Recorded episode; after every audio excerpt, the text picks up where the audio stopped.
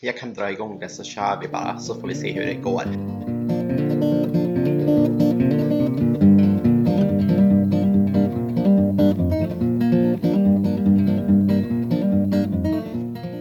Välkommen till anarkism.info podcast.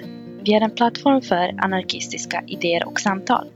Ibland styr vi upp egna samtal, ibland tar vi in föreläsningar eller annat material utifrån och vi publicerar material på oregelbunden basis. Om du vill bidra eller ge oss respons så hör gärna av dig till kontakt anarkism.info eller skriv till oss på Facebook. Nu börjar podden. Hej, jag heter Kim och eh, det är vi som är anarkism.info-podden. Eh, och det här är vår första podd, så vi ska starta det här lilla poddprojektet nu. Eh, och ni andra som är med mig, vad heter ni? Djup tystnad. Eh, svart, svartkatt. Ja. Kitty. Harm Knock the Life en- alltså. Vi är en väldigt glad podcast i alla fall. Ja, precis. Vi tänkte, tänkte att det ska vara en rolig och trevlig sak och inte allt för, eh, för liksom stelt. För jag tycker det kan bli lite för stelt ofta. Jag tänker kanske vi kan läsa upp och berätta lite mer om vilka vi är. Ja, vad är vi för några? Då, då läser jag här vad vi säger om oss själva just nu. Anarkism.info är ett decentraliserat anarkistiskt mediekollektiv vars syfte är att sprida anarkistisk media, texter, affischer, filmer etc. Vi vill öka tillgängligheten av befintligt material, utveckla eget, underrätta för andra, att komma igång med skapande och främja självorganisering. Vi vill med detta lyfta fram anarkismen som en historisk politisk tendens, teori och praktik samt ett seriöst och inspirerande alternativ både när det gäller att kämpa för förbättringar direkt i vår vardag och som fröet till ett helt nytt frihetligt samhälle. Vi utgår från grundläggande anarkistiska principer som självorganisering, direktaktion, inbördes hjälp och autonomi. Mm, precis. Um, och jag tänker här att vissa saker som vi kanske kan, jag tycker vi ska kortfattat så här, äh, reda ut och nysta lite i det vi har sagt om oss själva. Typ när en säger att ehm, vi utgår ifrån de här grundläggande anarkistiska principerna så tycker jag att vi ska liksom reda ut lite kort bara om självorganisering, direktaktion, inbördes hjälp och autonomi. Ehm, för jag tänker att självorganisering, det som skiljer det ifrån vad många kallar för organisering är ju att det specifikt inte behöver vara i en viss organisation nödvändigtvis. Det kan vara det, men det måste inte vara det. Utan att det specifierar någonting annat. Så här. Vad tänker du kring det, Svartkatt? Ja, men absolut. Alltså, det är sant. Eh, organisering och organisation ska inte förväxlas. Liksom. Eh, organisationer är ju verktyg för organisering, kanske man kan säga. Ja, så jag tänker att självorganisering, ett bra exempel på det är när en hyresvärd får för sig att öka omkostnaden för de som bor i hyresrätterna.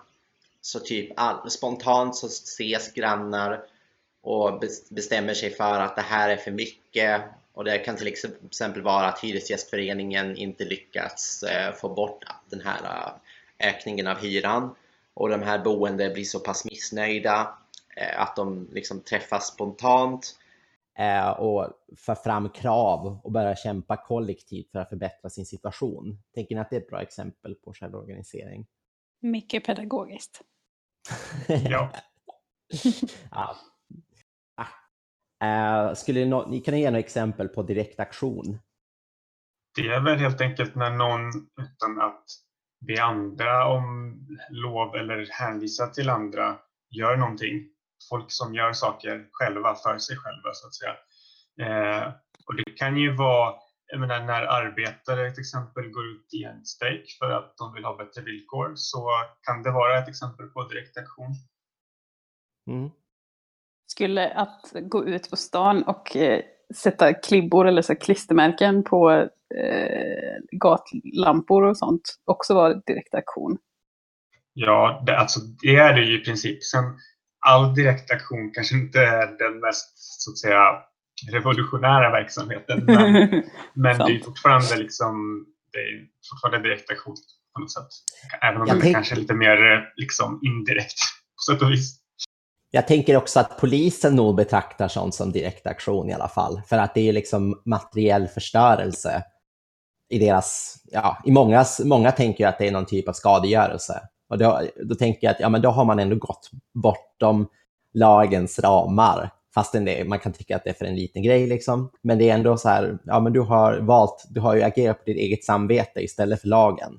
Ja, så är det. Och sen, det finns väl också ett visst stigma kanske kring uttrycket direktaktion. Det har jag stött på flera gånger att när man nämner det så, så tänker folk automatiskt på liksom, ja, men, typ, kasta sten mot polisen. Liksom. Och mm. Det kan ju vara en direkt aktion, men det är ju så mycket mer som är det. Och liksom 98 procent av alla direktaktioner, även liksom inom anarkistiska sammanhang, handlar inte om det utan mest så saker som inte är så synliga.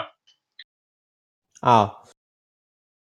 Jag tänker också på till exempel blockader är ju en form av direktaktion som är vanligt liksom i många sammanhang. att eh, ja, men, eh, Till exempel den här kolkraftverket i Tyskland som eh, väldigt många människor satte sig på den här um, tågrälsen som skulle frakta kol till det här kolkraftverket, om jag minns rätt. Eh, och det gjorde ju att de inte kunde frakta kolen, vilket ledde till att produktionen slutade ett tag. Och det är ju också ett sånt här, en form av direktaktion. Absolut. Eftersom att jag är här mycket för att ställa de här dumma frågorna som egentligen inte existerar. Nej. Alltså frågor är för dumma. Eh, jag tänker, alltså en blockad kan ju ändå vara väldigt planerad. Men det kan ändå vara direkt aktion fastän den är planerad i förväg. Eller? Ja, precis. Ja, för, ja. för där ska man inte tänka på att direktaktion är att man måste göra någonting direkt utan, innan man har tänkt efter. Utan det är väl snarare att aktion, aktionen är direkt i den bemärkelsen att det är inte så att man går och ber en politiker liksom att lösa någonting åt den. Utan man kan sitta och planera hur länge som helst men sen går man till aktion själv. Liksom. Man gör saker för sig själv. Men de kan ju vara jätteplanerade. Just det. Och inbördes hjälp. Det vet faktiskt inte ens jag vad det betyder själv. Ja, vad säger vi om det då? Alltså, jag tänker att inbördes hjälp, det är liksom en historisk term i anarkistiska sammanhang som går tillbaka mycket på Kropotkins idé om hur samhällen fungerar. Men jag tänker att det behöver inte vara någonting som är unikt för liksom, Kropotkins tankearv, utan det är mycket det här att eh, i, i till exempel Sverige så finns det, det finns aspekter av ett välfärdssamhälle det finns välgörenhet, men det finns också inbördes hjälp som i, principen är, som i princip är det som bär det svenska samhället. Alltså alla gånger människor hjälper varandra utan att få tillbaka någonting monetärt, liksom. utan att det har blivit en vara, relationen mellan människor. Och Det kan handla om allt från föräldraskap till vänskap till kärleksförhållanden som inte bygger på ekonomisk, eh, liksom, ekonomiskt utnyttjande eller så. Um, och det, det, gäller också så här mycket till exempel om någon hjälper någon annan frivilligt för den personen märker att den personen har ett behov av hjälp. typ. Så det, ja, det, ja. Skulle det kunna vara någon springer till vagnen och jag håller uppe dörren för personen som springer till vagnen? Liksom, så har jag gjort någonting hjälpt någon utan att ha vunnit någonting på det egentligen. Rent. Eller? Ja, det ja. tänker jag. Ja, precis. Och det, där börjar man ju också ana det här att så här, vad, vad är liksom att vinna någonting på det egentligen? För att det, det är inte att inbördes hjälp är någon slags självuppoffring utan det är snarare så här bejakande av att vi själva blir faktiskt glada och tycker om att göra sådana saker. Det är också viktigt att poängtera.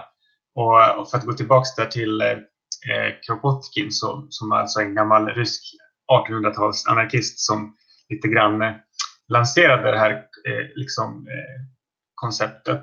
Eh, då var ju det liksom lite grann för att rätta en slags historisk, väldigt så här, darwinistisk tolkning där det var liksom eh, men den starkes överlevnad och så som han problematiserade och sa att nej, så funkar det faktiskt inte väldigt ofta. Utan väldigt ofta så överlever djur och människor på eh, att liksom hjälpa varandra. Och det gör vi inte bara för, som någon slags självuppoffring utan det, vi tycker om att göra det också och att det kan, upp, upp, det kan liksom uppstå väldigt harmoniska sociala relationer när vi liksom bejakar den sidan av oss. Jag tänker att föreningar, föreningslivet är en väldigt bra, ett bra exempel på inbördes hjälp. Till exempel, alltså, tar man bort vinstintresset i idrottsrörelsen och tittar framförallt på amatöridrott och typ um, ungdomsverksamhet och sånt. Mycket sådana verksamheter bygger på att folk har ett intresse, de samlas, de gör det de vill göra, delvis eh, sport, hålla på med någon typ av idrott. Um, och så får det här liksom ett eget socialt liv som går vidare i generationer. Eh, jag tänker att idrottsrörelsen bygger mycket på inbördes hjälp. Ja, absolut. Mm. Eh, och det, fin det, finns många saker som gör det också. Sen finns det många saker som liksom allt eftersom också har liksom, om man kan säga institutionaliserats på ett sätt som gör att det där har förvrängts lite och att det kanske inte längre uppfattas som det och att det kanske till viss del används som ett slags både politiskt och ekonomiskt intresse.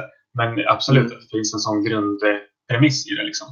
Ja, precis. Jag, jag tänker att det är också så här, um, det är precis som du säger, alltså bara för att det en gång var så, som till exempel uh, Just idrottsrörelsen är ju, är ju ett problematiskt exempel på grund av all, all, all liksom vinstintresset som finns där och så. Men om man tar nykterhetsrörelsen som ett exempel, eh, då kan det vara lite så här, ja men det kanske inte är riktigt samma sak som idrottsrörelsen.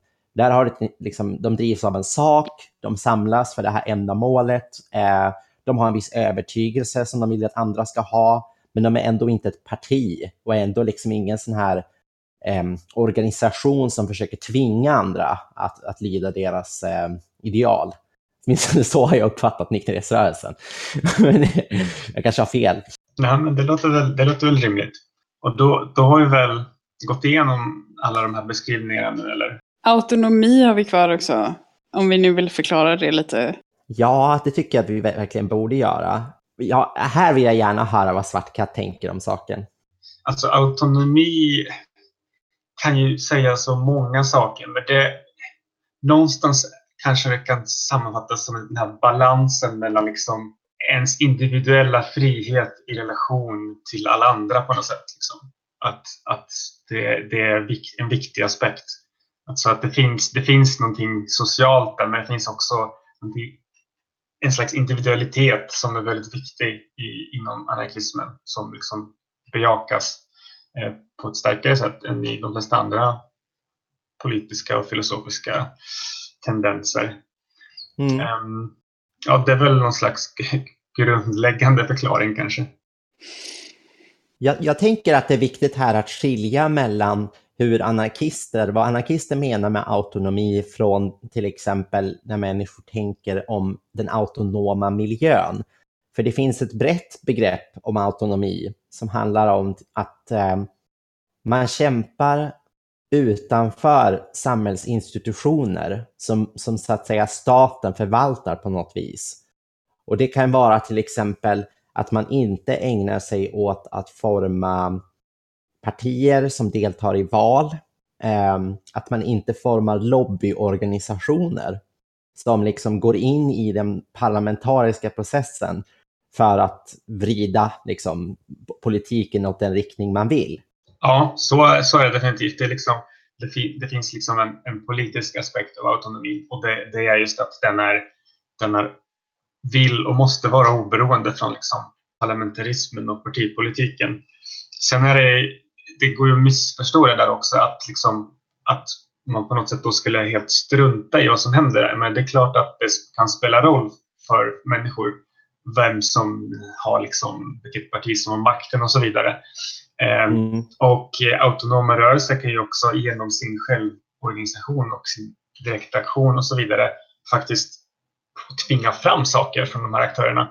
Men skillnaden där är ju att det inte är huvudsyftet utan i viss, typ, i viss utsträckning faktiskt en biprodukt av det. Liksom. Att man är inte ute efter reformer, man håller inte på med reformism, liksom, utan man håller på med sin självorganiserade kamp och man vill vinna sina fördelar med sin egen styrka. Men ibland så måste partier förhålla sig till sådana kampen när de blir starka och det är ju fine. Men det, är liksom, det finns en nyansskillnad där.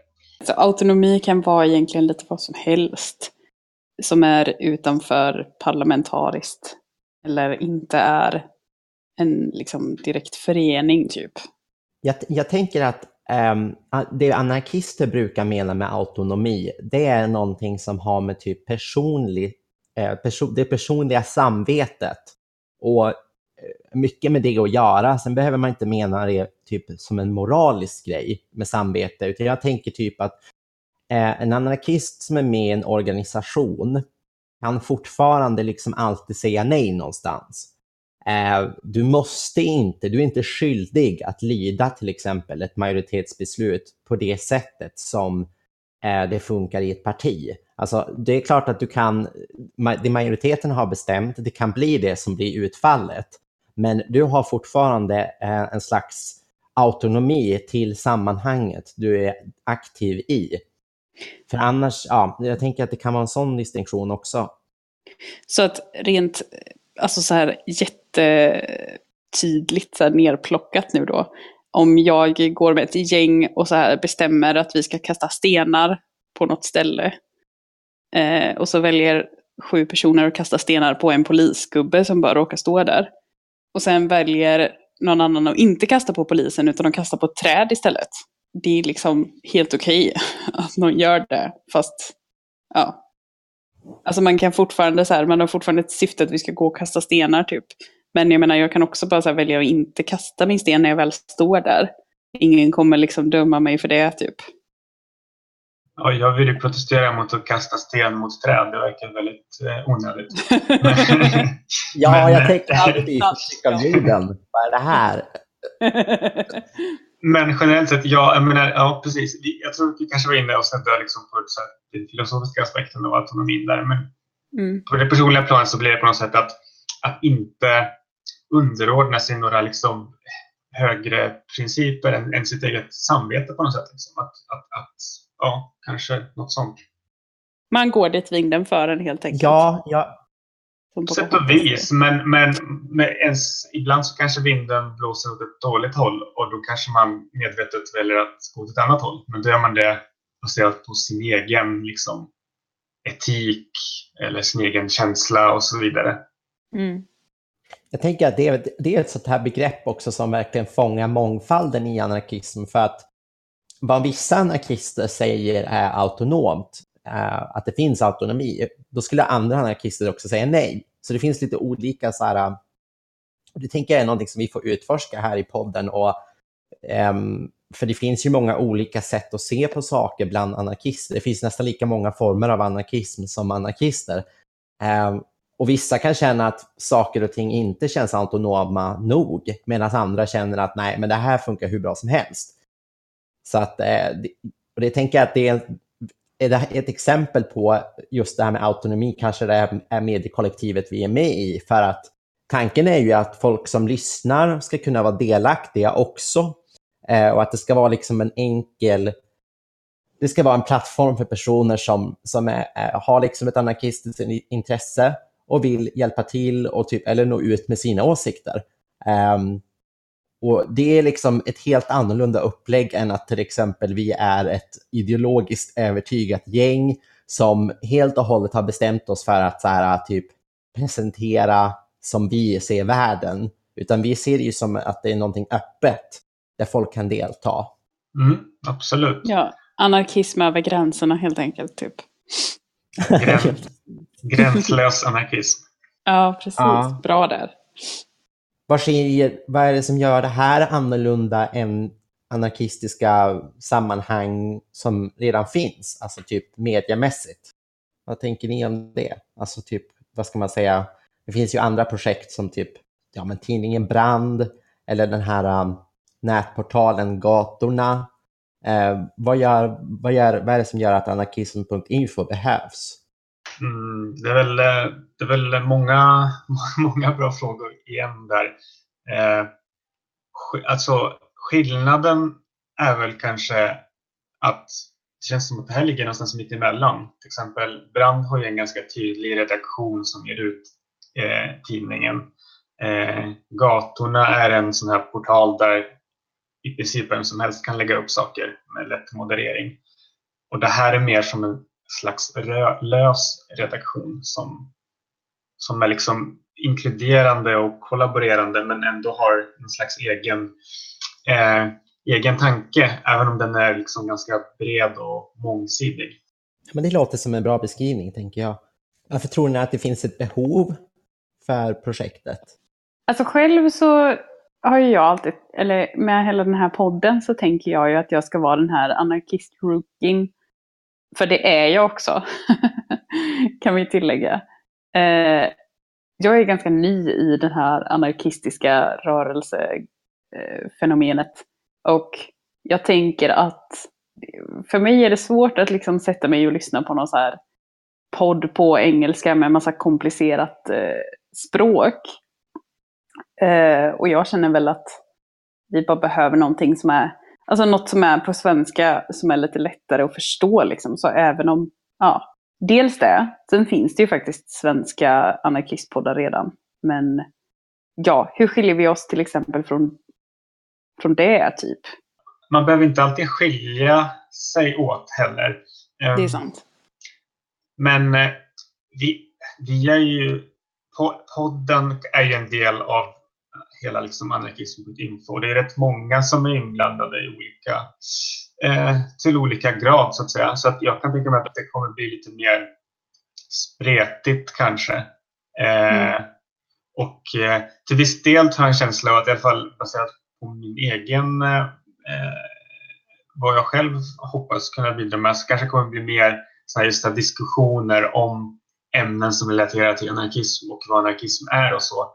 Eh, om vi tar en sån podd som Lilla kedjor till exempel så har ju de oftast en så här reportageinriktning. Så de är ju superbra reportage om liksom alla möjliga saker och sina, sina hjärtefrågor. Eh, det kanske vi också kommer göra. Eh, det vet jag inte, men vi kommer även göra annat, Eh, känsla av. Ja, jag tänk, jag, alltså för min del så tycker jag att en aspekt som sällan liksom konkretiseras, att eh, alltså, man brukar inte prata om det så ofta bland anarkister och det märker man så här, för när man träffar någon som är eh, en väldigt övertygad anarkist eh, och varit det en längre tid i alla fall, så brukar de ha ett litet annorlunda sätt att förhålla sig till övertygelser om så sociala förhållanden. Alltså, jag tänker att anarkism inte bara är liksom en Ja, men det är såklart att man motsätter sig hierarkier och auktoritetsprincipen, alltså att den här idén att det är rätt att vissa ska styra och bestämma över andra. Um, och det, är, det är ju anarkister emot. Men jag tycker att det finns ett sånt här kritiskt tänkande. Um, att anarkister applicerar krit, alltså kritiskt tänkande både i reflektion och typ när den analyserar texter och övertygelser, men också så här i praktiken. Vad tänker ni om det? Ja, det blev, eh, det blev mycket att ta in. ja. nej, men, nej, jag tänker bara att, alltså, att det är också så att det finns en aspekt av eh, kritiskt tänkande och tänker, jag hoppas att, att till exempel vi kommer ha um, ja, att vi inom ganska kort framtid så här, men läser texter tillsammans, eh, att vi delar med oss om det i förväg på liksom, sidan eh, och sen själva kommer med våra kritiska infallsvinklar kring det vi läser. För många anarkister har väldigt så här, starkt kritiskt tänkande, tycker jag. Alltså ganska stor autonomi både gent, gentemot personer som man kanske beundrar. Alltså det finns ju stora anarkistiska hjältar, men eh, relationen till dem ser lite annorlunda ut bland anarkister än till exempel eh, Alltså jag vet inte om det finns anarkister som har idoler på det sättet som folk typ gillar Che Guevara till exempel. Nej, det, det finns väl, men det, men det finns en större bredd så att eh, om något så, så finns det olika, olika idol, mer variation på idolerna. Och sen så finns det väl till viss del ändå ett så här hälsosamt, liksom, om en just kritiskt tänk att i och med att ens ens eh, liksom, anarkism är ju inte beroende av en persons liksom, ideologiska utsvävningar så, så kanske man blir mindre rädd för att liksom, kritisera och avfärda. Liksom. Man kan säga att ja, men jag tycker om just den här grejen som den här personen har bidragit med, men inte det här andra. Det, är liksom, det struntar jag helt i. Och för ideologier som har mer så här liksom, väldigt centrala tänkare, då blir det mer problematiskt. Det blir svårare att göra sig av med det där. Då blir det som man, man avsäger sig sin ideologi nästan. Ja, alltså jag tänker, nu behöver vi inte ta exemplet med andra så här, i vänstern, men vi kan ta typ, men ta till exempel liberaler. Alltså vad skiljer oss från liberaler? Så här, både i hur vi gör saker och hur vi tänker om saker. Jag tänker att vi, har vi vill ju, som den här beskrivningen som du läste upp innan, den, den berättar ju en del konkreta saker om vad vi eftersträvar. Men det är fortfarande inte så här ett färdigt paket, en idé om att så här, ja, men, eh, vi har vissa rättigheter, sen ser staten till att skydda oss här, och bevara de rättigheterna typ i något slags kontrakt. Utan att det här är något mycket mer dynamiskt. Ja, jo precis. Men den hela liberalismen, oh, vad ska man säga om detta? vi, det är mycket som skiljer. Liksom. Vi, anarkismen är en mycket mer radikal kritik och praktik liksom, som både eh, kritiserar och praktiserar mot staten, mot kapitalet, mot många av de strukturer som liksom liberalismen lite, är lite som fisken i vattnet. Den märker liksom inte ens att den befinner sig i dem på något sätt, för den tar dem för givet. Liksom. Så eh, det, det, det är ju frågan är snarare så här, finns det några likheter? Ja. ja, ja, men alltså jag tänker bara så här, nu kan man väl nämna en konkret grej då för att exemplifiera. Men säg yttrandefrihet. Liksom. Eh, det finns ju massa liberaler som säger att det är jätteviktigt. Det finns liberala organisationer som försöker försvara det. Men samtidigt så ser man ju att här, det finns massa omständigheter de inte alls tror på yttrandefrihet överhuvudtaget. Och om vi ska ta exemplet med hur vi då skulle se på yttrandefrihet, eller det här med, liksom, hur, hur tänker du att det skulle vara annorlunda? När man pratar om yttrandefrihet då börjar man ju komma in på den här diskussionen om rättigheter och det kan bli jättesvårt. Eh, det finns ju många, även som inte är liberaler, som använder liksom den retoriken. Liksom att vi har rätt till det, vi har rätt till det. Eh, ska man vara lite... Den kritik som finns mot det, som också gäller yttrandefrihet till viss del, är ju att det här med att sätta upp rättigheter blir liksom lite, lite slags tomt. För att det, det är inte liksom att du skriver upp på mitt papper att jag har rätt till det här som, som, som gör att du faktiskt kan göra de sakerna. Utan det som betyder någonting, det är när människor har tagit saken i egna händer, sociala rörelser har liksom organiserat sig för att vinna de här så kallade rättigheterna. Och då, är liksom, då är det ingenting som finns abstrakt ute i rymden någonstans. Det är någonting som konkret händer när människor gör det. Och det kan vara lite farligt att, tycker jag, att eh, fästa för stor vikt vid liksom den här abstrakta principen. Utan att man borde eh, fästa större vikt vid den praktiska processen att faktiskt komma dit. Eh, och eh, ja, det, det, är en aspekt liksom där liksom också yttrandefrihet blir lite grann ja, vad betyder det egentligen i praktiken? Jag tänker att eh, det som kanske utmärker vad anarkister eftersträvar, det är att eh, när man pratar om en rättighet så i praktiken så är det ju så att staten erkänner rättigheter och därför så blir de en verklighet, alltså i ett borgerligt samhälle som ser ut som vårt. Alltså att har man, säger vi att människor har rätt till vatten så är det underförstått att staten ska garantera att människor har vatten. Um, och det är därför typ moderater inte vill att vatten ska vara en mänsklig rättighet. Um, för då blir staten liksom den parten. ja, ja, det är sant. Ja. De röstade ner det här i FN. De röstade emot um, när de satt i regering. men det, det, är för att de är emot principen att staten ska garantera si eller så. Och om vi skulle tala om rättigheter, då blir det, no, det blir, vi, vi måste prata om något helt annat. Att människor, som du sa, eh, Svart katt, att människor tar makt över sina egna liv. Ja, precis. Och sen finns det ju liksom, just om man kollar på yttrandefrihet till exempel, så blir det också lätt att, alltså, fixera på de här eh, teoretiska principerna, så ja, alla ska få yttra sig. Det tycker liberaler är jätteviktigt. Men de är helt blinda för det här att hur du kan yttra dig är en helt annan sak. Alltså den här eh, teoretiska principen och praktiken hänger inte ihop alls. För du kan ju ha liksom, jättestora mediekoncerner som är liksom, det är inga mänskliga intressen bakom dem, utan det är ju liksom, det är kapital eller politiska intressen som kan ju yttra sig till en grad och på ett sätt som vanliga människor överhuvudtaget inte kan göra. Och då liksom, vad, vad betyder den där yttrandefriheten liksom, i det sammanhanget? Den känns som att den blir ganska tom.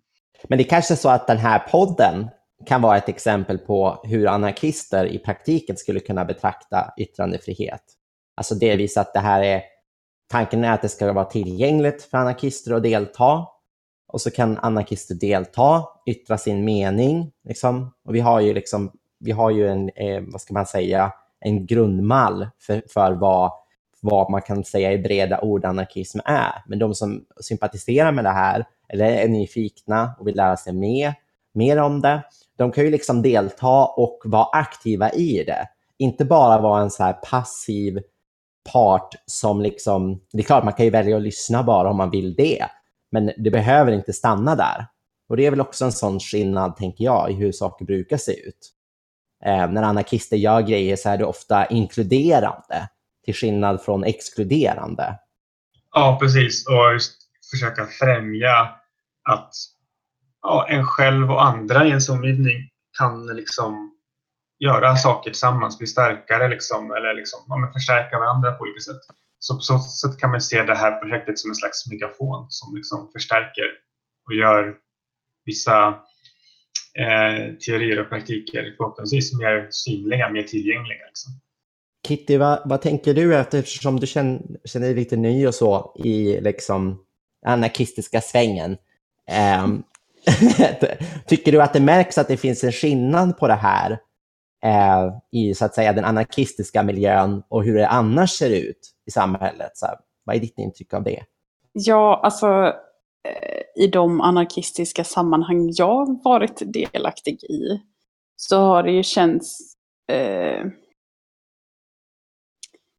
Alltså det är ju det är ju mindre såklart för att dels antar jag för att det inte är så många anarkister. Liksom, som, sen finns det väl många anarkister som inte ens vill organisera sig med andra också, som jobbar på helt andra grunder. Men eh, det, är, det, det, är ju ganska litet det eh, där jag har varit.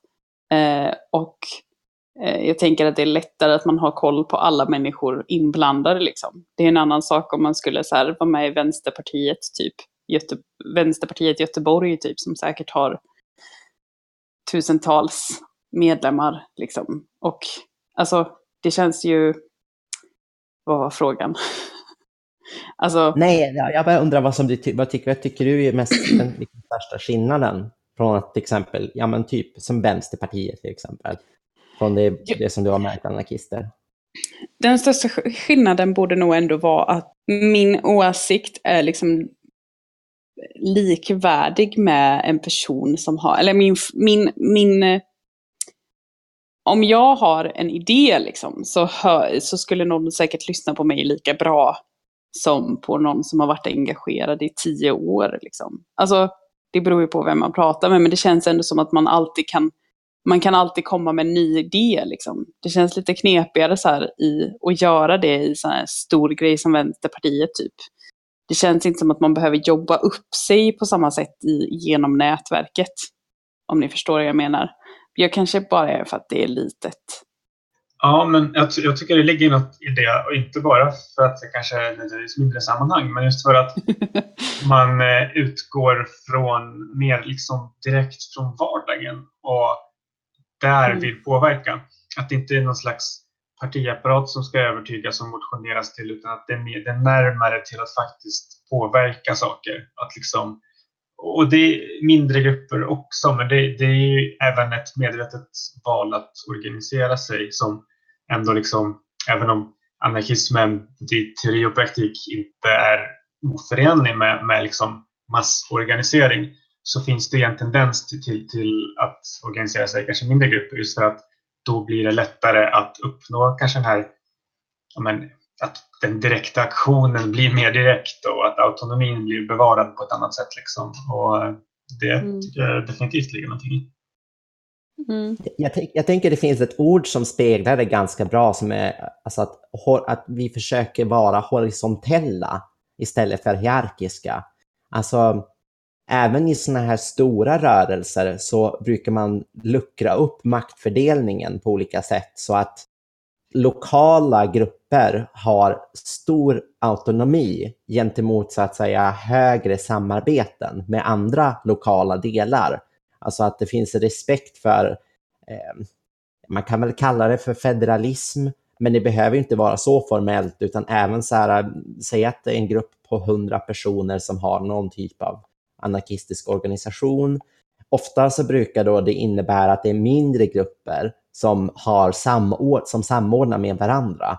Istället för att det typ blir en debattsal med några få talare och resten lyssnar och röstar ja eller nej typ. Mm. mm. Nej, som till exempel som när det var en massa svenskar som åkte till Hamburg. Så var ju inte det bara en, en grupp, det var ju många, många, många små grupper liksom, som åkte tillsammans. Ja, men också till exempel en organisation som SAC som mm. liksom har jättestora principer um, som är jätteviktiga för hur man praktiskt sköter det. Att, även om det finns ett centralt SAC så är ju de lokala LS, som de kallas, alltså de här uh, dis små distrikten, eh, som samordnar fackligt, kanske i Göteborg eller Malmö eller Gävle. Ehm, även där finns det mindre delar som liksom ser till att det finns mer utrymme för självorganisering, eh, alltså initiativ på mindre nivå eh, och liksom att personerna som är delaktiga har, eh, har den här, att det är lite mer horisontellt och inte så jättehierarkiskt uppifrån. Mm. Mm. SKC är alltså en fack, fack, ett fackförbund. Eh. Mm. Precis, vi kan ju nämna det också. En, eh, om vi ska vara helt korrekta så är det en fackföreningsfederation tror jag. För det är SOC är en federation av eh, lokala samorganisationer och det är alltså en slags syndikalistisk facklig organisering som eh, överlappar till ganska stor del med anarkistiska principer. Vi ska väl inte kanske gå in på för mycket detalj här. Men eh, ja, så mm. ungefär är det. Ja, men det är lite olika exempel. En sak eh, jag tänkte där flika in när vi pratade om liksom små och stora organisationer och sånt. Det är också viktigt att påpeka att anarkism inte liksom är en mall för hur det här ska se ut utan mer kanske ska ses som en process och ett slags experimenterande. För Det är vad som händer hela tiden. Det, är, det finns inga färdiga svar utan i alla grupper och liksom organiseringsformer, vare sig det är små liksom affinitetsgrupper eller större organisationer, så är det hela tiden liksom en frågeställning. Så hur ska vi relatera till de här sakerna? Hur, hur kan vi liksom jämka varandras åsikter på ett bra sätt? Och vad är rimligt att göra tillsammans? Vad är inte rimligt? Och var går gränserna för liksom när det kanske blir hierarkiskt eller liksom på något annat sätt kontraproduktivt? Så det är, liksom, det är en pågående process. Det är en slags perfektion som redan bara tar till sig så kommer allt bli superbra. Mm. Mm. Jag, jag ska tillägga här att affinitetsgrupp betyder en, det brukar ofta kallas för en vängrupp, som man kraftigt förenklat kan säga att det är en grupp med ett, en liten grupp med liknande intressen som väljer att eh, samla sig och agera på det de är övertygade om. Och Det kan till exempel handla om att rädda ett träd. Eh, bara som ett exempel. Om en liten grupp personer är övertygade om att det här trädet måste finnas kvar av historiska skäl och eh, någon kommunnämnd har bestämt att ta bort det här trädet och så sätter de sig i en ring runt trädet så är det då alltså en affinitetsgrupp eller vängrupp som har gjort en aktion tillsammans. Eller om det kommer någon för att kasta sten på trädet också. Jag tänkte... Ja, ja precis. Jo, exakt. Vi får hoppas att de inte är med i samma vängrupp. det blir väldigt osämja där.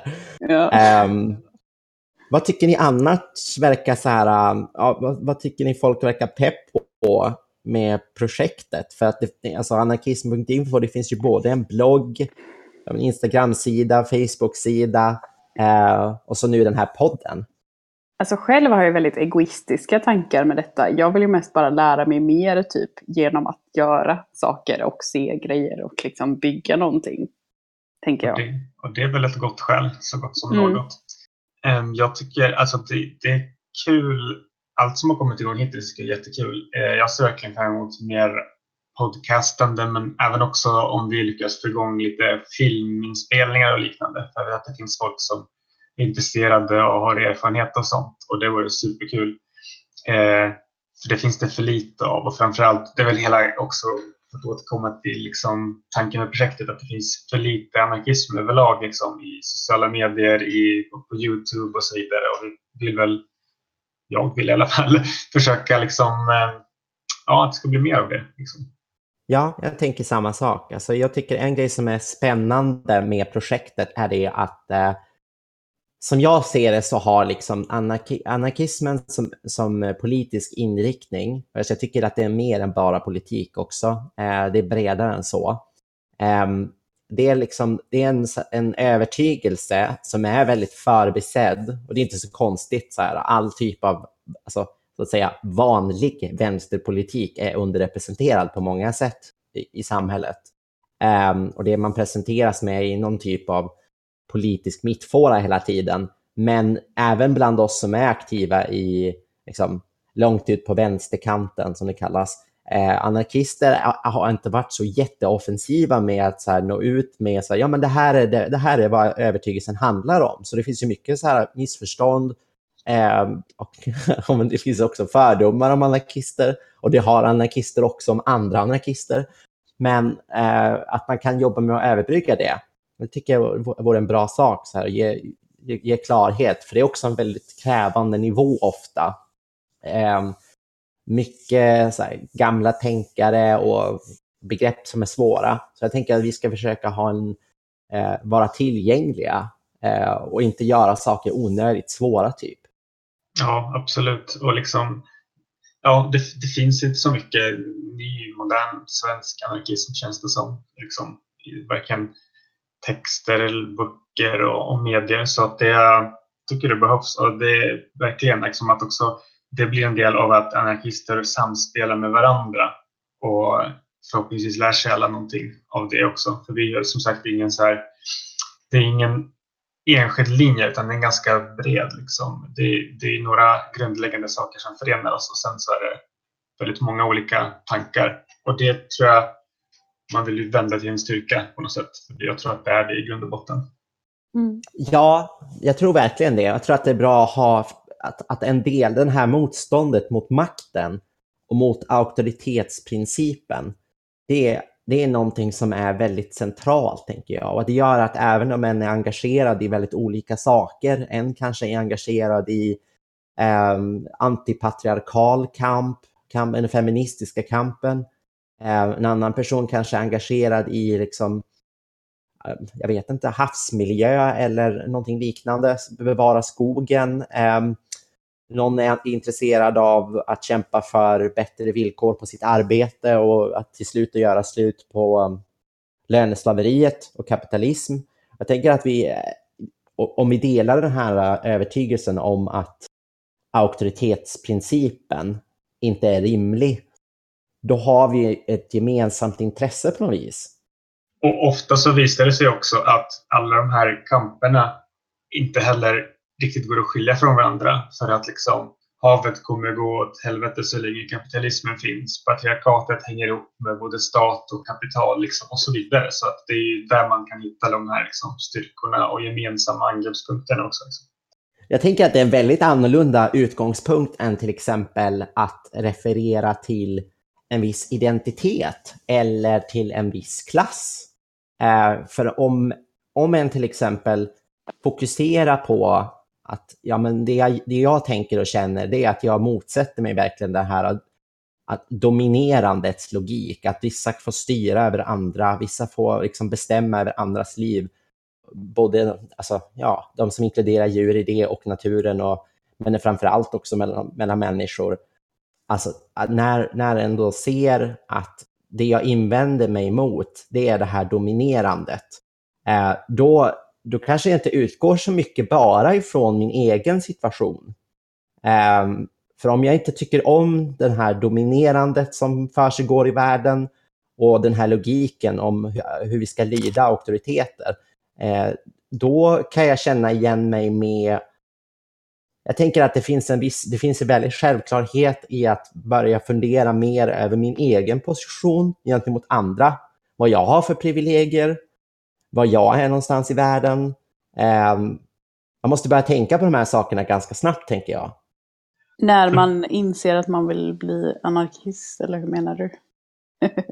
jag tänker när, när, när, man, när, när man har gjort sitt avståndstagande från mm. auktoriteter och sagt att Nej, men jag vill inte ha en värld där vissa bestämmer över andra. Liksom. Eh, jag vill gå bortom det och jag vill inte att någon ska styra över mig. Men, fram, men att man känner att nej, jag vill inte att någon ska styra över någon. Mm. Då, eh, då har man tagit det väldigt långt, den här, in, den här inställningen. Då måste man fundera över sin egen roll i samhället också väldigt mycket. Mm, det finns ju ett sånt där, jag vet inte vem det var som sa citatet från början, att, att Bakunin i alla fall har uttryckt det på ett eller annat sätt. Att eh, ingen är fri förrän alla är fria på något sätt. Och det, mm. det är ett slags erkännande också av det här att hur allt hänger ihop. Och att, så här, att om man vill se det på det sättet så kan man säga att den som har kommit till den här insikten om, om vad auktoriteten gör med samhället kan jag tycka att det ligger i mitt självintresse att eh, folk inte ska ha auktoritet över andra, även när det inte direkt påverkar mig själv. Eller kanske påverkar en själv på ett sätt som inte direkt är uppenbart. Som liksom att, eh, man säger liksom att feminismen liksom, som ju är i kamp mot patriarkatet, att inse att det också, även om den viktiga aspekten där är ju liksom eh, den patriarkala liksom, aspekten och den makt som framförallt män har haft, så, så är det också ett sätt att öppna ögonen för att relatera till mansrollen. Vad är det överhuvudtaget och hur begränsar det en massa människor? Liksom? Och så det, det finns ju så många olika aspekter som all, alla tjänar på att liksom vara anarkister. det, det är väl det ja, ja, alltså, ja, That's the last word alltså. Uh, ja, men jag, jag tänker också det. Alltså, jag, tänker, jag tänker så här på alla de här som lever efter borgerlig, borgerlig moral och det här livsidealet som finns i samhället. Det är ju otroligt begränsande att leva sitt liv för karriär, att uh, göra allt det där. Sen kanske de flesta är benägna att köpa det. Men jag tror ju att, jag märker ju det, alltså historiskt har ju många viktiga anarkister varit personer som lämnat eh, en privilegierad miljö för att slåss för mer utsatta människor. Ja, så har det ju varit. Ja, vi kommer ju, tänkte, nu backar jag tillbaka några steg eller framåt, eller jag vet inte åt vilket håll, men vi kommer ju, det har vi pratat runt omkring det här ganska mycket, vi kommer försöka prata i ett separat avsnitt lite mer om just så olika definitioner och sådär. Så för att reda ut kanske mer om anarkism än om själva projektet och sådär. Eh, så det, ingen behöver vara orolig att de kanske inte förstår vad vi pratar om här. Nej, precis. Det här är ju bara början. Och jag, jag tänker varför, alltså varför jag drog upp en del grejer om det här generella. Var, det är ju för att det speglar sig mycket i det vi håller på med. Alltså, just det här formatet. För jag, jag hoppas ju att de som har lyssnat på det här jag hoppas att någon lyssnar på det här sen. Eh, men att de kanske, om de känner sig sugna, så ta kontakt med oss och skriv till oss via, via Facebook eller Instagram eller ja, nå ut till oss och så, så här, säg att du vill vara engagerad i någonting och så här, vad vill du bidra med? Eh, och så får vi se vart det går. Eh, och det tänker jag speglar något ganska anarkistiskt i praktiken. Mm. Ja, precis. Eller eh, starta en egen blogg eller skriva en bok eller gå och kasta sten inte på ett träd eller något. ja, precis. Och behöver du hjälp med någonting så då kan man ju prata om det också. ja, ska vi, ska vi försöka runda av? Jag tror att vi... Jag tror ja, men jag tycker vi gör det. Eh, det var jättetrevligt att prata med er. Ha det bra kamrater! Hej då! Hej, hej!